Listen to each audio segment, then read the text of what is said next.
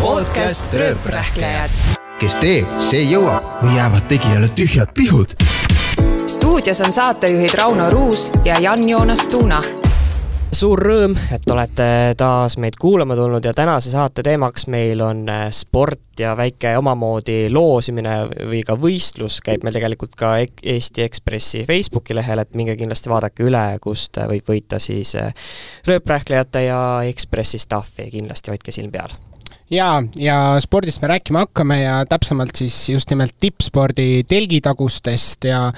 ja räägime täna noore äh, tulevikulootusega, kui nii saab seda nimetada, ja juba praegu palju auhindu võitnud ja karjääri teinud kahevõistleja Kristjan Ilves, tere! tervist teile!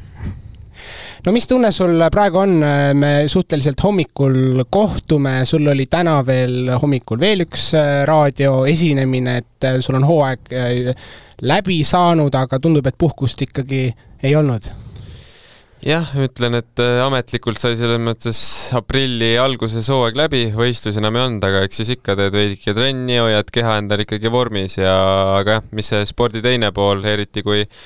oled juba natukene võib-olla midagi rohkem saavutanud, siis on seda huvi ka nii-öelda meediaväljaannetel ja siis tuleb käia ja nägu näidata sinnapoole ka ja veel loomulikult ma olin siin üks nädal tegelikult terve nädal Tallinnas, kohtusin oma toetajatega ja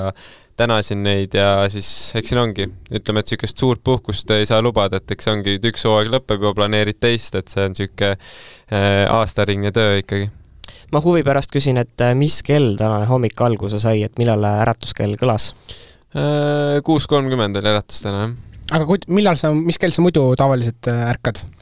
tegelikult, jah, tegelikult ega see ongi minu jaoks niisugune tavapärane ärkamine, et ma nagu väga pika unega ei ole ja mulle meeldib päeva suht varakult alustada ja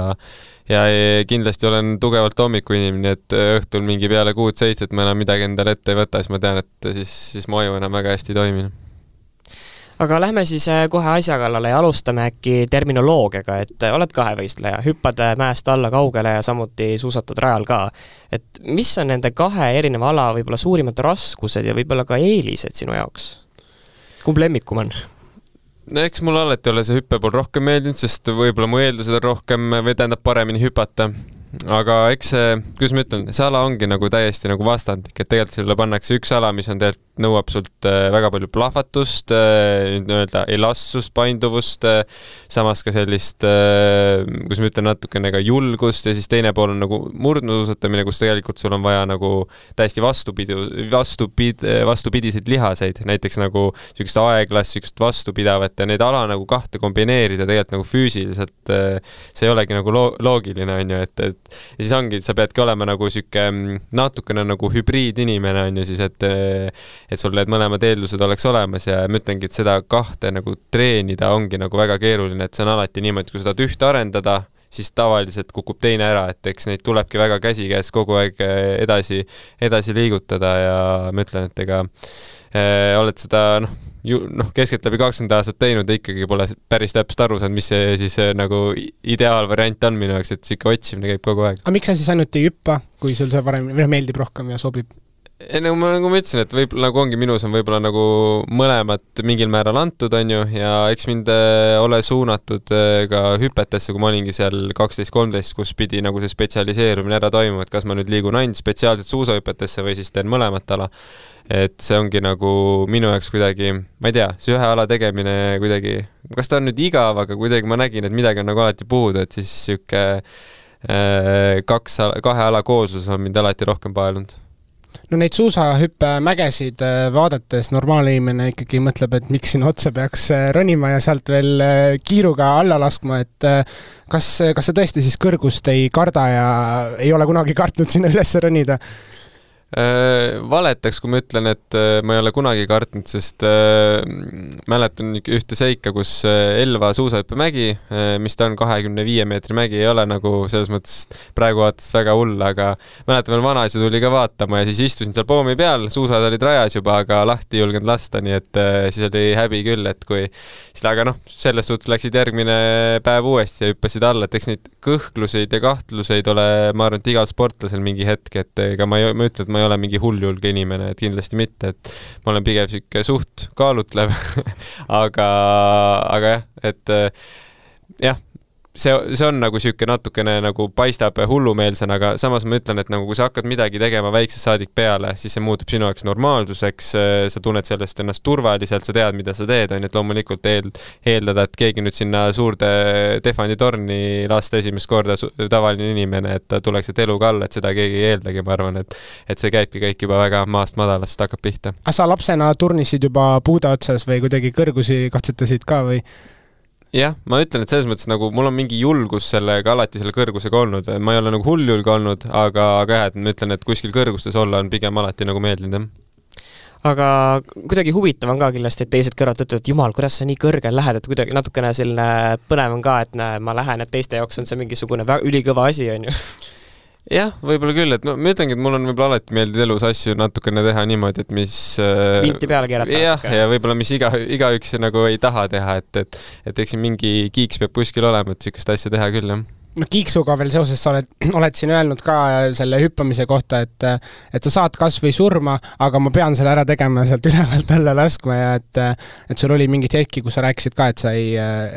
no ei julgenud sealt korra, korraga alla lasta ja siis öö läbi ei saanud magada ka, et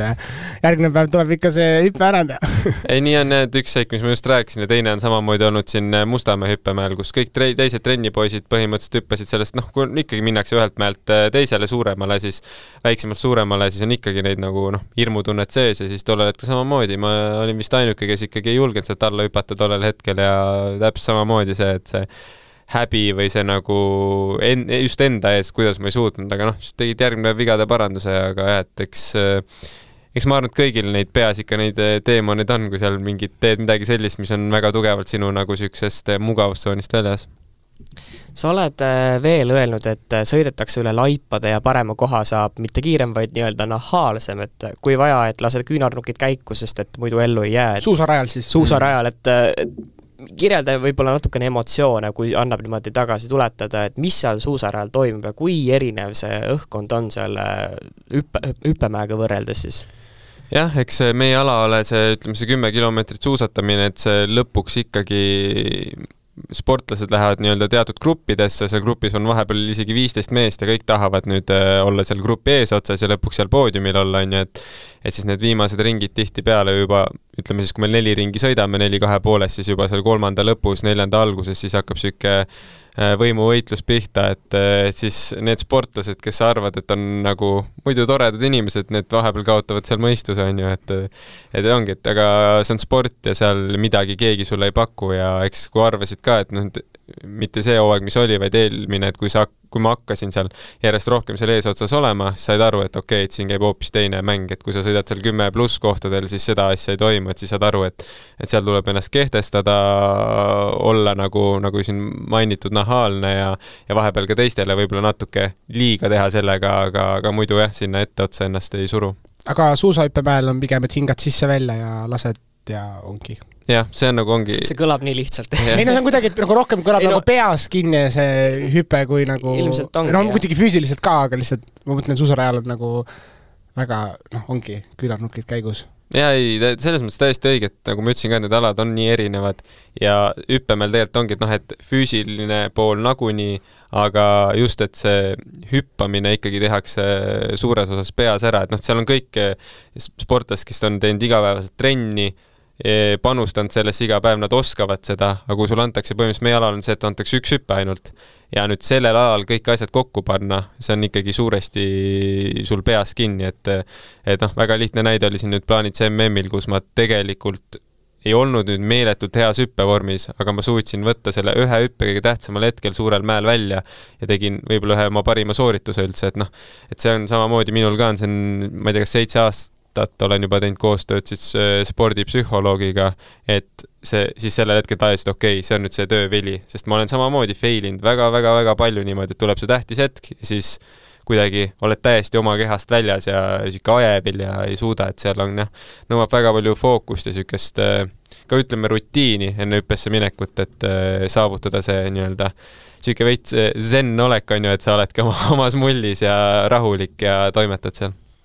no suusahüppamisel ja üldse spordis on äh, väga oluline sportlase kehakaal ja noh, kuida-, millises vormis ta keha on ja Pekingi taliolümpial sa rääkisid, et sa pidid kaks pudelit vett jooma juurde, et su keha oleks äh, raskem, et äh, mis ekstreemseid mooduseid oled sa veel kasutanud, et mingeid asju parlangsi saada, kui nii saab nagu öelda? Jah, ma ei tea midagi, noh, ütleme, et see Peking oli üldse väga ekstreemne, et ma olin seal kümme päeva, istusin hotellitoas kinni ja siis kaks päeva enne võistlust äh, nii-öelda sain vabaks sealt äh,, kui see koroonaaeg oli ja siis äh, jah äh,, seal ei olnud toitumisega või noh, toit ei olnud kõige parem ja ma kaotasin seal ikkagi päris kõvasti kaalu ja ja siis tõesti tulid välja niimoodi, et olid äh, kehakaal oli nii palju all, et äh, tuligi see vesi sinna kehasse lükata, et noh, meil on nagu väga kindlad reeglid seal, et mis kaalus ja mis asjas sa pead täpselt äh, sinna ära mahtuma, et äh, jah, siis läks sihuke, ma arvan, et siukest kaks väikest pudelit sisse ja väga ebamugav tunne oli kõhus, aga mulksus niimoodi. nojah, siuke nagu punu oli ees veits, et, et sellega ei ole kõige mugavam, aga aga pidid ära tegema ja, aga jah, ma ütlen, kaaluga ma muud nagu väga ekstreemselt ei ole teinud, et niisugust mingit näljutamist või niisugust asja ei ole minu elus olnud, sest me peame ikkagi suusatama ka ja muidu kaob täitsa jõud ära, aga, aga jah, võib-olla ongi, et see niisugune, minu puhul ongi, et vahepeal see kaal on läinud limiidist allapoole, siis see vee joomine ongi võib-olla niisugune nagu noh, natuke mis on limiidist allapoole? No hetkel, kui ma ütlen, et minu ideaalne võistluskaal on seal kuskil kuuskümmend kolm, kuuskümmend kolm pool kilo on ju, kui ma olen sada kaheksakümmend üks sentimeetrit pikk, siis see on ikkagi niisugune noh, minu jaoks juba limiit ja kui ma seal kukkusin kuuskümmend kaks pool kilo või olin isegi natuke allpool Pekingi olümpial, siis ma ütlen, et kui sealt hakkavad juba need, seal hakkavad mängima juba need mitte isegi noh, ongi, et mitte kilo, vaid pool need, kilod, no pool kilo ja sada grammi on ka juba vahepeal tunned, et et kui sa seal piiri peal oled, siis on väga lihtne kukkuda niimoodi ära, et sa kaotad oma nagu täiesti jõu ära, et siis see on niisugune väga, väga, väga hästi pead keha tunnetama, et kus, kust üle minna ei tohi aga ma kaalu kohta veel küsin, et äh, kas sinu puhul on just see, et nagu kaal läheb nagu alla limiidi, et sul ei ole pigem seda, et nagu kui inimestel on muidu see, et äh, et kaalu tuleb juurde kogu aeg, et sul on nagu see, et kaalu jääb vähemaks? Ei no see on, ütleme siis ongi, et kui on võistlusperiood ja mingid siuksed äh, Pole toit võib-olla kõige jah, või ütleme, et toit nagu, ma ütlengi, et meie päevad on nii pikad, et sul ei ole reaalselt aega süüa näiteks lõunasööki, et äh, siis sa peadki seal endale võtma niimoodi kogu aeg midagi kaasas ja nagu rohkem snäkkidega läbi ajama või nagu võileibadega, et see äh, ei ole niisugust suurt äh, sööki aega süüa ja siis hakkabki see võib-olla, et kas sa oled selle päeva jooksul piisavalt söönud, hakkab see kaal kukkuma. aga ei, ma selles mõttes ma ütlen, et eks ma samamoodi ka natukene võitlen, kui nüüd juba vanemaks olen saanud, võitlen ka selle vastupidise asjaga, et ikkagi suvel, äh, kui on meeletult rasked suusatrennid ja isu on väga hea, et siis peab ikkagi kuskilt nagu piiri ette lööma, et äh, ei, ma ei ütle, et minul ka ainult selle teise poolega see võitlus käib, et šokolaad sulle maitseb? šokolaad maitseb väga, selles mõttes, et seal ongi, et tuleb sellega piiri pidada, jah aga tippspordis ei piisa ainult tegelikult sellest füüsilisest äh, heast vormist, et vaimne pool on ka tähtis, et kas sa oled äh, vahel kuidagi mõelnud, et stardis, lähed starti, et äh, ei, täna, täna ei ole see päev, et täna ei lähe hästi või sa ikkagi just... saad ennast meelestada kuidagi nagu niimoodi, et jaa, täna on see? jaa, ma ütlengi, et eks, kuidas ma ütlen, tavaliselt tulevad head võistlused siis, kui ma tunnen, okei okay,, täna ei tule mitte midagi. okei okay,, niipidi hoopis. et nagu ongi, et ma olen, lähen näiteks suusarajale, ma tunnen, no reaalselt ma ei jõua siit tõusust üles sõita või nagu, aga siis hakkab kuidagi nagu see nagu muster välja joonistuma, et ma ei tea, kas see on mingi aju sul ütleb midagi, et sa tegelikult oled nagu heas vormis, aga ta ei taha seda nagu uskuda või kuidagi või on, on mingid siuksed mustrid välja joonistunud, kus ma tõesti nagu tunnen nagu väga halvasti enne starti, aga siis, kui see adrenaliin eh, sisse lööb, ma tean tegelikult, ma ei ole nii halvas vormis, siis kuidagi ma ei tea, kas siis üllatad ennast sellega ja aga jah, et ma ütlen, et eh, väga palju annab peas ära teha ja selles mõttes, nagu ma olen rääkinud, et see töö, mis ma olen siin võib-olla seitse aastat pidevalt teinud, et eh, see on siin paari aastaga hakanud ka nüüd vilja kandma ja ja jah, ma ütlen, neid teemonitega võitlevad kõik sportlased ja ma ütlen, kõik inimesed äh, üldse siin elus, et äh, nendest üle olla ja neid natukene kuidagi tahaplaanile lükata, et äh, see on oskus omaette ja aga jah, et ja samamoodi see suusatamises ka, et kui see, see pingutamine, et kui seal ongi nüüd niimoodi, et sa tegelikult keha ei jõua, aga sa surud sealt edasi, et see on samamoodi, et üks asi, sa pead olema heas vormis, aga tegelikult see ongi puhtalt nagu peas kinni, et osad sportlased seda ei suuda, et hakkab raske, suudavad natuke veel olla, aga vahepeal on see ekstra motivatsioon, et kas oledki nii hea koha peal või võitled millegi eest, mida sa tegelikult, ma ei tea, sa oled alati unistanud sellest, siis lööb see väike see mõte pähe, okei okay,, et vahet ei ole, kui palju haiget ma teen, ma lähen siit piirist üle ja olen valmis seda tegema, et aga noh, see ei juhtu kindlasti igal võistlusel no sarnane olukord sul juhtus äh, sealsamas seal Pekingi olümpial, kui sa pärast finišijoont äh, kokku vajusid ja ütlesid ka, et äh, sa arvasid, et sa ei, nagu ei vea lõpuni, aga seal ühel hetkel see jõud sinus tekkis, et mis need suurimad vigastused sul on olnud, et oled sa suusahüppemäel kõhuli lennanud või libisenud suusatamisel või mis need nagu on sul olnud? Või kas õpetatakse suusahüppamisel ka esimest korda kukkumist nagu ilu, iluuisutajalt otseselt mitte, aga eks neid kukkumisi tuleb ikka ette, et noh, õnneks mul on läinud niimoodi, et ma ei ole kukkunud nii-öelda õhust, et mul midagi nagu väga tõsist on, aga noh, võib-olla kõige niisugune halvem kukkumine oli mul siin võib-olla viis aastat tagasi, äh, kui oli maandumisnõlv, oli niisugune vähe konarlik talvel, just oli nagu hooaja algus ja siis suus kantis kuidagi ära ja kukkusin niimoodi, et pidin kaks nädalat olema hooaja algusest kael lahases ringi käima, et et midagi otseselt nagu ma ära seal ei murdnud, aga oli vist mingi, mingi suur hematom või mingi asi seal sees tekkinud, mis pidi nagu kaks nädalat olema niimoodi kael paigal, et see ära varaneks, et siis see noh, hooaja alguses ei olnud kõige parem, aga aga jah, et õnneks tututui luumurde ei ole olnud eh, nende aastate jooksul, loodan, et ei tule ka, et aga see ongi, ma ütlen, see ala nagu näib ohtlik, aga kui sa tegelikult oled tagant see, et sa ise rumalust ei tee, varustus on korras, ekstreemsetes oludes ei hüppa, siis tegelikult sa teed ühte liigutust, mis, mida sa oled õppinud terve elu sisse, et et ma näen, noh, võrreldes nagu jalgpalliga, kus neid ootamatusi on kogu aeg, et keegi tuleb kuskilt vale nurga alt sul sisse ja on jalaaluu jälle puruks või mingid vigastused on nagu palju lihtsamad tulema ehk siis jalgpall on palju ohtlikum kui eh, suusamäelt hüppamine no nagu võib-olla see kõlabki imelikult, aga selles mõttes neid, nagu ma ütlesin, jalgpallis ongi nagu neid ootamatusi ja. kogu aeg, et ja. sul ei ole midagi nagu, sa ei tee ühte kindlat liigutust, et eh, seal jah, ei ole nagu ei sõltu tihtipeale sinust need vigastused mm. -hmm. sa pead erinevaid videoblogisid ka võistlustelt ja treeningutelt, esined meedias sageli kas tänapäeval ei saa enam olla lihtsalt sportlane, et sa peadki ikkagi näitama ka inimestele, et mis sa teed ja oled nii-öelda sisulooja rollis ikkagi ka? jah, ma ütlen ausalt, ma ei ole kunagi olnud niisugune väga võib-olla enda näitaja, see pole kuidagi minule nagu kohane või aga see käib kaasas? aga see, aga see käib kaasas ja seda tuleb järjest rohkem teha, sest tegelikult äh, äh, kui nagu see üks asi on olla meedias, aga teine asi, kui sa ei ole ka nagu sotsiaalmeedias äh, seal kohal, siis äh, see on raske ka. tänapäev on sinna liikunud ja tuleb seal väga present nii-öelda olla, muidu kuidagi see huvi kaob ka ära, et noh, loomulikult meil on mingid kindlad väljundit, kus ma pean olemagi näiteks noh, et kui mul on meediaaega ja telepilt, siis on nagu okei okay,, aga mingitel toetajatel on väga oluline, et oleks mingi, kes on just nagu tootepõhised, et sa pead ikkagi olema seal ja reklaamima natukene ennast ja ja loomulikult üleüldiselt, et äh, anda nagu tagasi ka, et kuidas me ala välja näeb ja anda seda võib-olla ka edasi noortele, sest noh, tihtipeale noored ju on sotsiaalmeedias ja eks minu enda niisugune väike missioon ole ka, et minu tegemised äh, annaksid nagu edasi seda, et keegi tuleks mulle veel järgi või kas on siis sellel alal või üleüldiselt kedagi motiveerida liikuma, panustama sporti ja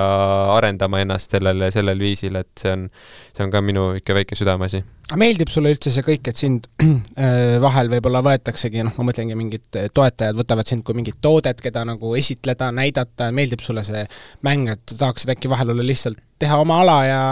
ongi kõik ma ei tea, võib-olla mul ei ole jõudnud see lihtsalt nii kaugele veel, et mul on mingi plokk ette tulnud, et siiamaani on nagu väga-väga meeldiv, äge olnud, aga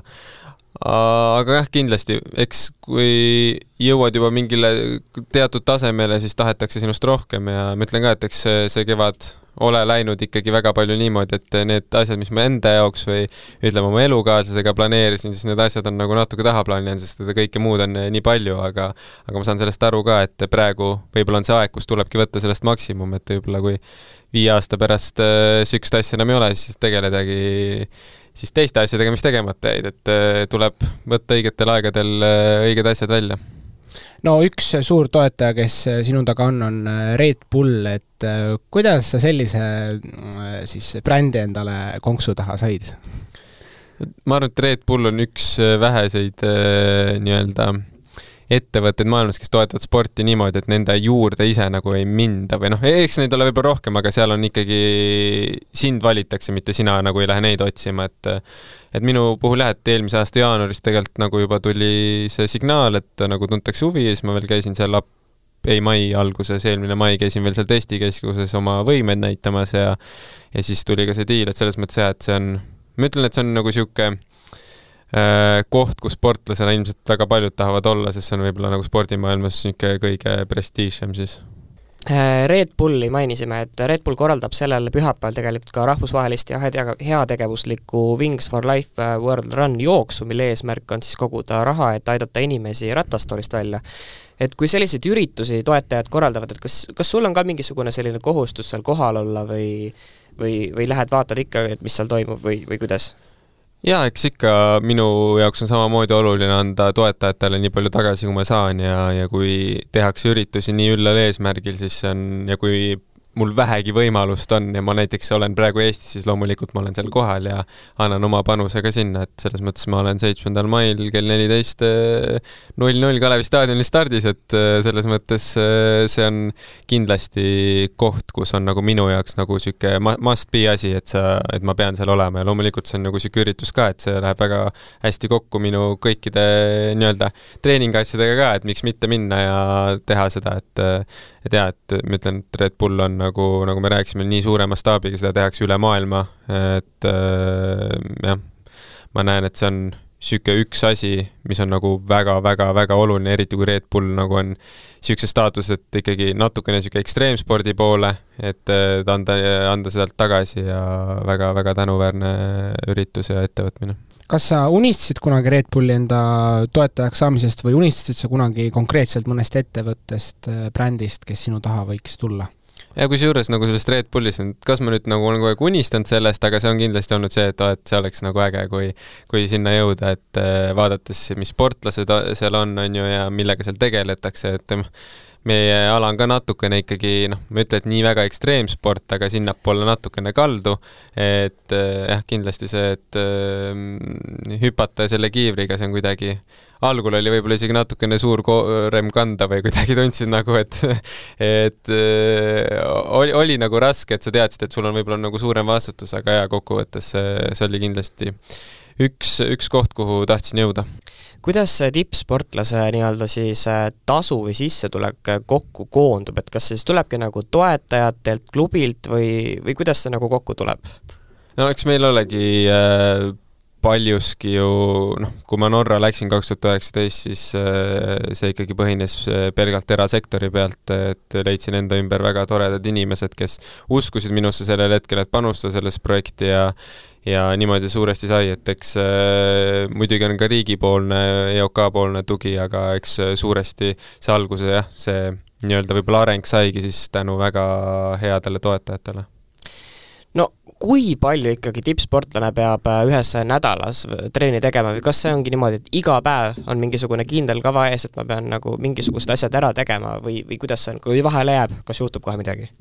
ei, selles mõttes, kui ükskord midagi kuskilt vahelt ära jääb, et noh see ei muuda nüüd suurt, aga kui need hakkavad äh, kogu aeg vahelt ära jääma, siis, siis, siis mõju, mõju hakkab tekkima, et loomulikult meil on väga kindel äh, ülesehitus, et kuna me näiteks teeme mingeid äh, jõutrenne, kuna me teeme mingit intervalltreeninguid siis murdmaal, et et kõik need on väga tugevalt paigas ja niisugune rütm käib peaaegu aastaringselt, et loomulikult on mingid perioodid, kus paneme rohkem rõhku hüppamisele, kus suusatamisele, aga jah, et tegelikult noh, meil, ma nagu, me ei tehta nagu väga pikalt plaane ette, niisugune võib-olla aas- või, või kuu-poolteist, aga no eks meil on ikkagi nagu teada, kus me laagrites oleme, kus rõhud kuskil on, et selles mõttes meil on ikka niisugune äh, tugev teadmine, kus mida teha ja eks see on endale ka nagu peale just väga hea, et äh, sa tead, et kus kohas nüüd tuleb see raske hetk, kus tuleb jälle üle elada võib-olla, et siis saab natukene nagu äh, mitte kas rahulikumalt, aga natukenegi veidikene kergemalt äh, võtta, et selles mõttes on jah, et äh, kõik on hästi sealtpoolt ära planeeritud. aga kas see on ka kuidagi äh, seitsme, on see nagu seitse päeva nädalas su töö, trennid, viis päeva ka kuidagi, kas see on kuidagi niimoodi reguleeritud, et tegelikult see, kuidas ma ütlen, sportlane oled sa kakskümmend neli seitse põhimõtteliselt terve aasta. iga päev ikkagi? iga, iga päev ikkagi ja no ma ütlen, et ega meil reaalselt puhkepäevi loed siin ühe käe sõrmedel aastas kokku, kus on nagu noh, kus on okei okay,, täna ma trenni on ju ei tee.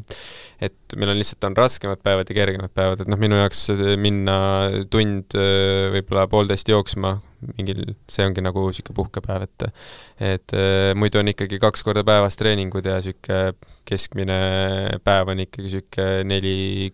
viis-kuus tundi päevas trenni, mis on nagu puhas trenniaeg siis need, kui panna juurde veel sinna nagu sõidud, ettevalmistused, kõik, siis noh, ega see ongi see hommikul kell põhimõtteliselt seitse, seitse alustad ja õhtu kell kaheksa lõpetad siis, kui õhtu, õhtusöök on söödud ja ütleme, nõud pestud nii-öelda piltlikult öeldes, et ega ongi kõik, kõik see on üks suur äh, rutiin, kui sa paned veel sinna lõunaune söögid sisse, et see on üks suur tervik aga jääb sul aega või on sul jaksu pärast neid äh, trenne veel vaba aega tegeleda, mida sõprade-tüdrukuga olla, väljas käia, kõike sellega tegeleda? Äh, ma ütlen, ega seda aega on vähe, aga kui inimene midagi tahab, siis ta leiab selle jaoks aja ja see tuleb, noh, minu puhul ma vähemalt näen, et ma olen neid üritanud hästi ära planeerida, kus on hetked, kus ma saan rohkem panustada näiteks oma tüdruksõpra, võib-olla sõpradega olla, võib-olla mingite hobi, hobidega veel tegeleda, et et äh, siis on kõik võimalik, aga jah, et äh, niimoodi, et teed viis-kuus tundi trenni päevas ära, oled täiesti nii-öelda ribadeks, oled diivani peal seal ja siis veel kuskile minna, siis ma vahepeal ei näe, et sellel on nagu pointi, sest noh, taastumise aeg on ka väga oluline, et siis võtangi rohkem aega siis, kui on võib-olla lihtsamad päevad, et et jah, kui niimoodi teha, siis seda asja, siis tundub see üks päev ikka väga-väga lühike aeg kas tippspordimaailmas siis ongi nii, et ainus, mis nagu vabastab pidevast treeningust, ongi see, kui sa jääd haigeks? Jah. või see ka ei vabasta. Ei siis on see enda ta oli, ta oli ju koroonas ja ikka pani, pani hotellitoas ei, otseselt jah, sel-, noh, selles mõttes vabastab, et sa ei saa suurtel koormustel trenni teha ja niimoodi, et aga, aga midagi ikka, jah? aga jah, et aga ikka käid ju, jalutad ringi ja noh, siis on tegelikult, see on veel raskem, siis on see, et nagu sa tahad seda veel rohkem kui ennem, on ju. et eh, kuidas ma nüüd ei saa, et ma nädal aega ei saa midagi teha. kuidagi halvasti nagu. jaa, sa tunned ennast eh, võib-olla veel halvemini, et see nagu ei ole kindlasti koht, kus ma tahaks, et see trennivabastus tuleks, et see on nagu alati niisugune hästi vastik aeg aga on sul läinud mingid äh, suhted äh, mingil hetkel, hetkedel tuliseks, et kui sa oled näiteks spordi esikohale tõstnud, äh, ütleme, et inimesed, kes su ümber on, ei ole mõistnud mingil hetkel, et sport on praegu tähtsam? jah, eks neid natuke ole olnud, aga, aga ma ütlen, et selles mõttes tulebki leida enda kõrval inimene, kes mõistab seda, kes saab aru, mis, mis see on, mis on nagu plussid ja miinused sellel ja ja nagu ma rääkisin, et noh, kokkuvõttes inim, inimesed toimivad minu arvates nii, et kõik on ju kokkuvõttes äh, läbirääkimiste küsimus ja kui sa suudad äh,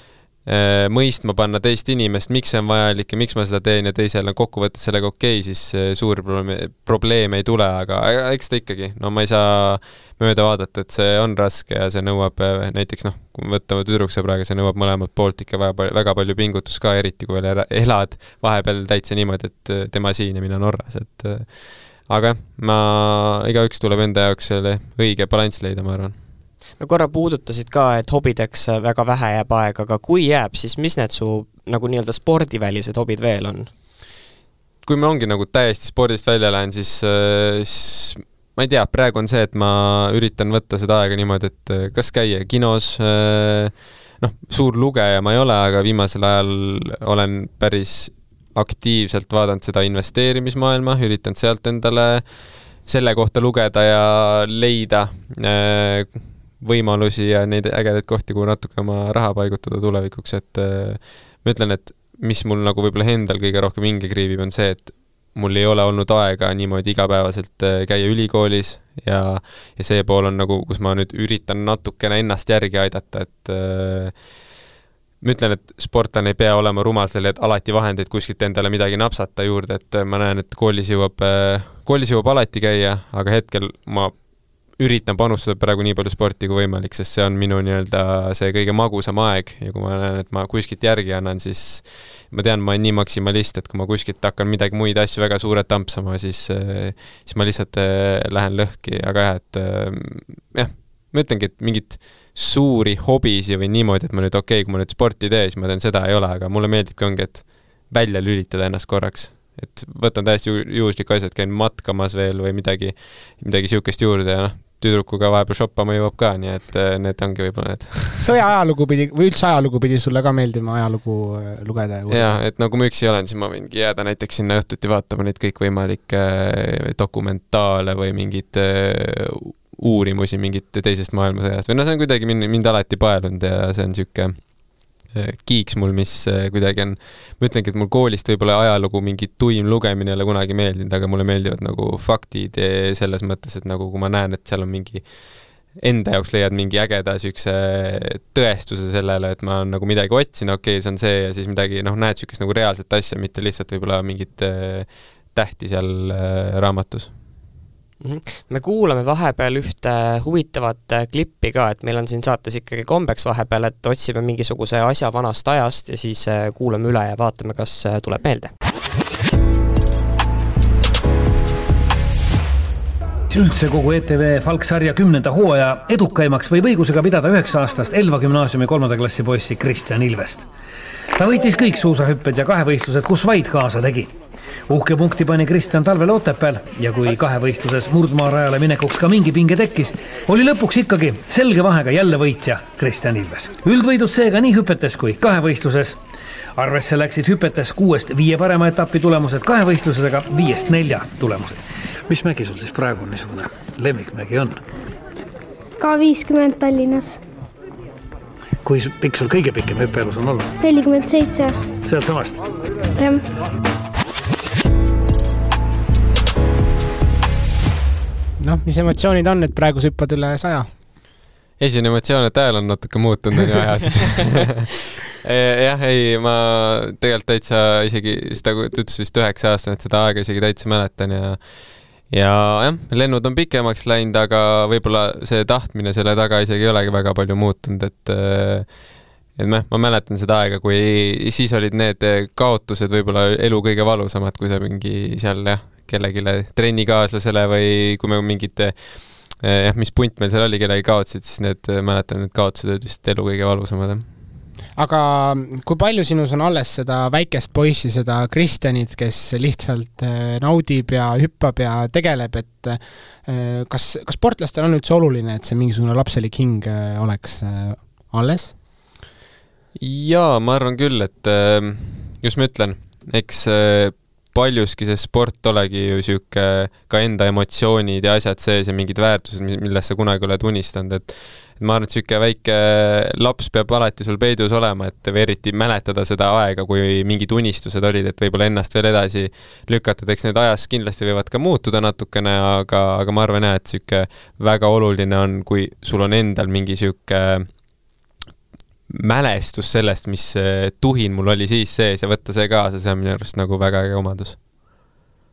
kui sa liigud äh, kuskil tänavatel ringi, näiteks Eestis oled nüüd äh, nädal aega olnud ja, ja Norras muidu ka, kas sind tuntakse nägupidi tänaval ära?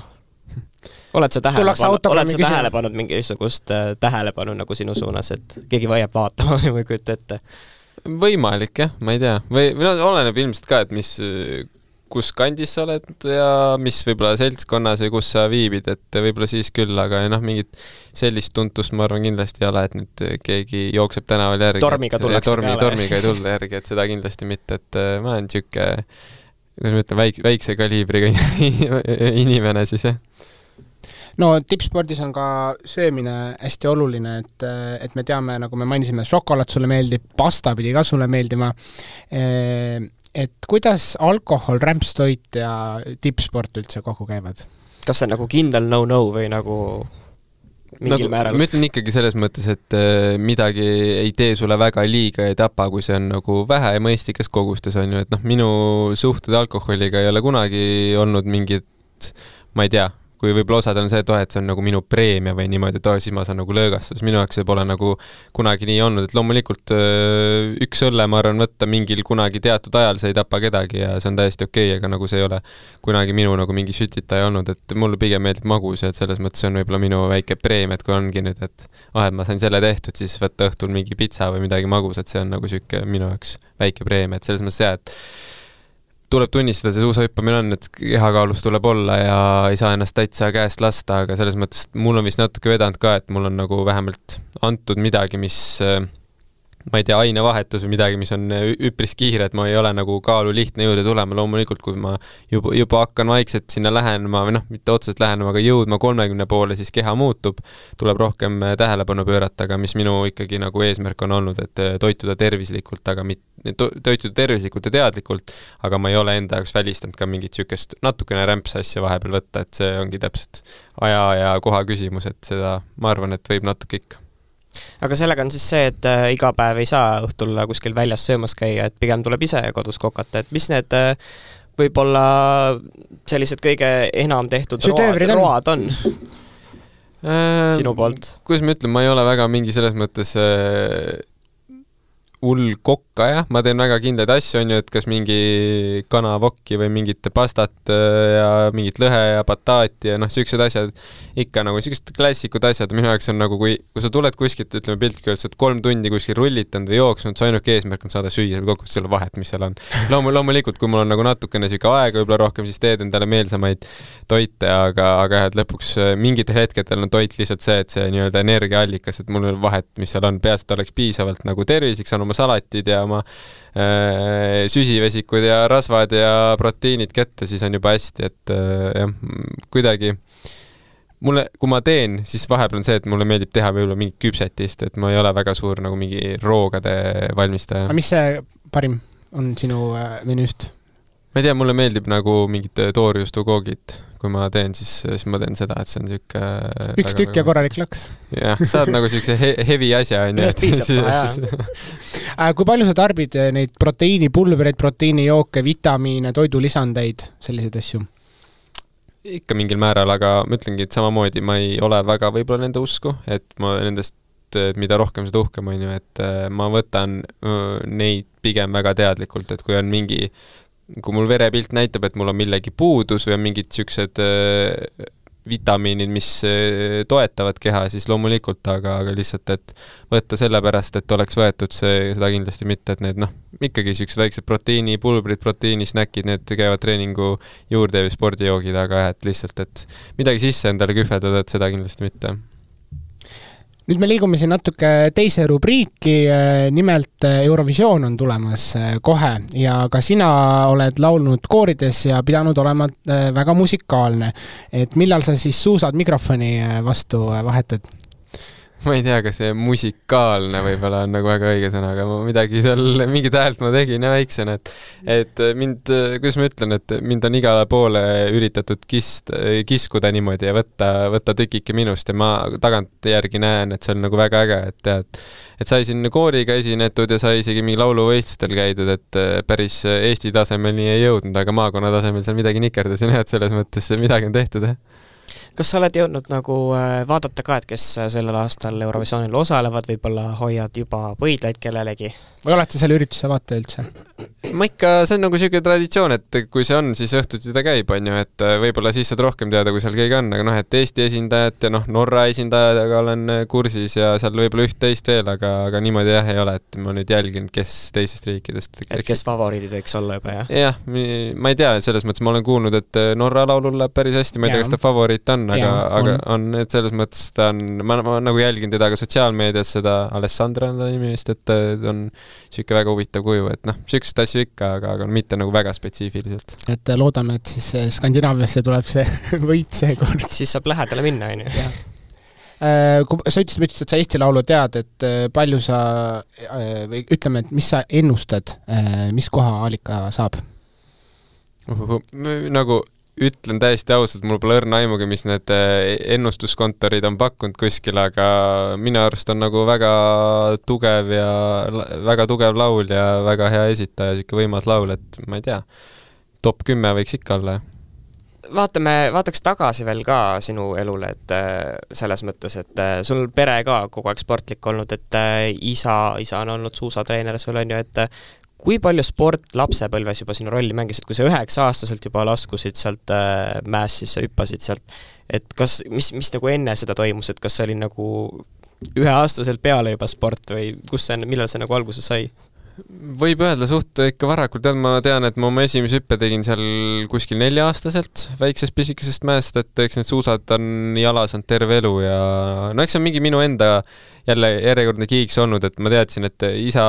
tegeleb kuskil mingi toreda asjaga, et mingi su suusahüpped ja asjad, ma tahtsin ka sinna. ikkagi oli mõjutatud? ja, ja et selles mõttes mitte nagu isa poolt, et tema pole kunagi mind sinna sundinud, aga võib-olla oli see mu enda tahe, et ma nagu surusin ennast kaasa ja kui ta lõpuks mind kaasa võttis, siis oli nagu raske tal mind maha jätta enam, sest ma noh, ikka väikse poisina segasin ka seal treeninguid, on ju, et et sealt on see kirg tulnud ja no eks ma juba teadsin noh, siis, et see ala on midagi, mis, millega võiks tegeleda, loomulikult ma ei teadnud, kuhu ma lõpuks välja jõuan, aga aga eks seda aega ja kõike on panustatud päris kõvasti juba väga, väga noorest saadik no su vend Andreas on samuti kahevõistleja, et äh, on teil äh, siiani või on teil olnud kunagi omavahel äh, võistlust, kes parem on, kes rohkem medaleid saab? Ja no selles mõttes me oleme üpris võis-, võitlushimulised mõlemad ja, ja ma ütlen ainult, et see ei ole nagu suusa, suusa nagu sport või et see, et me läheme trennis võistleme, võitleme ja suusaradadel, vaid tegelikult väga palju on niimoodi, et lihtsalt ma ei tea, mingid pani maja käima, jooksime ümber maja, kes kiire maja jookseb, ma ei tea, hüppasime mingit, isegi noh, peksime jalkat ja niisugune väga hull näide, et hüppasime lihtsalt mingi kõrgus- ja teivashüpet ka kodus ja niimoodi, et panime mingit voodimadratsi maha ja siis hüpp, mitu korda hüppad mööda sealt, et noh, nii nagu täiesti ulmelisi asju oleme teinud, aga mis vanemad ütlesid tundus, et lasme hullud möllavad siis, et selles mõttes, et ma ütlen jah, et me koos oleme nagu kasvanud äh, just nagu spordi mõttes, et me oleme nagu väga mitmekülgsed igast asju teinud ja see võitlushing on meis mõlemas sees olnud väga noorelt, jah. no võib-olla on veel vale aeg küsida, aga kas sa oled mõelnud selle peale ka, et, et kui see tippsportlase karjäär nüüd peaks äh, mingi aeg hakkama vaikselt lõppema, et äh, mis siis edasi saab, et kas sa astud äh, treeneri rolli või hoopis midagi muud või, või mis saab? mul on alati olnud selline mõte, et nagu ka oma isa näinud, et see treeneri töö võib-olla Eestis on nagu väga raske amet, sest see nõuab sihuke, sa pead ikka olema väga fanaatik, et seda teha, et see ei ole kindlasti kõige tasustatum ja ma, ma arvan, et ma olen selles spordi sees olnud nagu piisavalt oma elus, et et jah, ma ilmselt olen vähemalt mingid aastad kindlasti spordist eemal, ma ei mõtle niimoodi, et ma täitsa ära kaon spordi jaoks, et ikkagi mingi osa minust kuulub siia, aga jah, et eh, tahaks muid asju teha elus, et noh, näiteks mul siin pikka aega unistus on olnud lennundusega, et kas olles lennujuht või piloot, et noh, ma ei tea, vaatame, mis sellest saab, on ju veel. Aga lennuakadeemiasse? jah, et see oligi minu kindel üks valik, mis oli, aga, aga siis siis tuli sport tugevalt peale, kolisin Norra ja siis on võib-olla paljud võib-olla natuke niisugused unistused hetkel ära jäänud, aga ma ei ütle, et need ei või kunagi tagasi tulla, et aga ma ütlen, et noh, mingi samamoodi mingi arhitektuuri asi meeldib, et neid, neid valdkondi on ja ma ütlen, et nii et õppida ikkagi edasi? et kindlasti õppida edasi ja ma ütlen, et ma arvan, et pigem ma ei näe, kui mul sport ära lõpeb, et ma nüüd väga midagi taga nutma jään ja sporti, et mul kindlasti väga palju mõtteid ja elu saab kindlasti huvitav olema no sa oled äh, lõpetuseks ka võrrelnud äh, Norra tiimis siis töötamist äh, lotovõiduga, et selle kõrvalt tuli ka palju lobitööd teha, et sinna üldse saada, et millised jackpotid on sul siis veel tulevikus varuks, et mida sa saavutada tahad veel? jah, nagu räägiti, et see ongi, et see minu jaoks on seal kõik tagatud selles mõttes, et meie ala on nii teadusepõhine, et seal lisaks ei piisa, et sa oled sportlane, meil on vaja seal igasuguseid suusamäärdeid, struktuure, asju, et tegelikult see, see on nii laialdane asi ja väga-väga keeruline oleks seda nagu üksi siin väikses Eestis korda saata, et ma näen, et kui sealtpoolt on kõik tagatud, ise arenen veel edasi, siis äh, minu unistuseks äh, või noh, eesmärkideks on ikkagi tiitlivõistlustelt vähemalt veel üks medal ära tuua siin, et äh, see aasta jäi natukene puudu, kolm-neli sek-, neli sekundit midagi, et loodetavasti, et siis järgmiselt MM-ilt kaks tuhat kakskümmend viis või kaks tuhat kakskümmend kuus olümpialt see medal tuleb, et selle nimel tööd tehakse ja see üks, üks medal võiks vähemalt mu karjääri nii-öelda siis ilu või nagu niisugune ilus asi, mis võiks eh, pärast meenutada enda karjääris. kas sa isaks saamise peale oled ka mõelnud vahel? mõelnud olen jah aga, aga selles mõttes, et eh, ma ei tea, eks me oleme rääkinudki elukaaslasega hästi palju sellest, aga, aga hetkel tundub see elu on päris pöörane, et et ma ei taha kindlasti, et mu laps lihtsalt vaataks isat kuskilt pildi pealt või televiisorist, et see nagu ei ole minu eesmärk hetkel, jah aga enne kui me lõpetame, siis äh, kordame üle, et äh, kõik armsad kuulajad, et äh, Eesti Ekspressi Facebooki lehel toimub siis loos, kus kus on võimalik siis igasugust rööprähklejate Ekspressi tooteid võita, nagu näiteks akupank, joogipudel, šokolaad, et seal on palju kraami. ja kusjuures me loodame, et Kristjan on nüüd sellega nõus, et sinna koti peale ta paneks ka oma autogrammi ühe sinna riidekoti peale, nii et selle kõik me loosime välja just nii, suured tänud, Kristjan, et tulid külla meile, me soovime sulle palju jõudu, edu ja palju medaleid! suured tänud teile ka! meie teisi podcasti episoode saad kuulata Delfi taskus, Spotify's, Apple podcastis ning kindlasti jälgi ka Rööprähklejate TikTok'i podcast Rööprähklejad rööprähklejad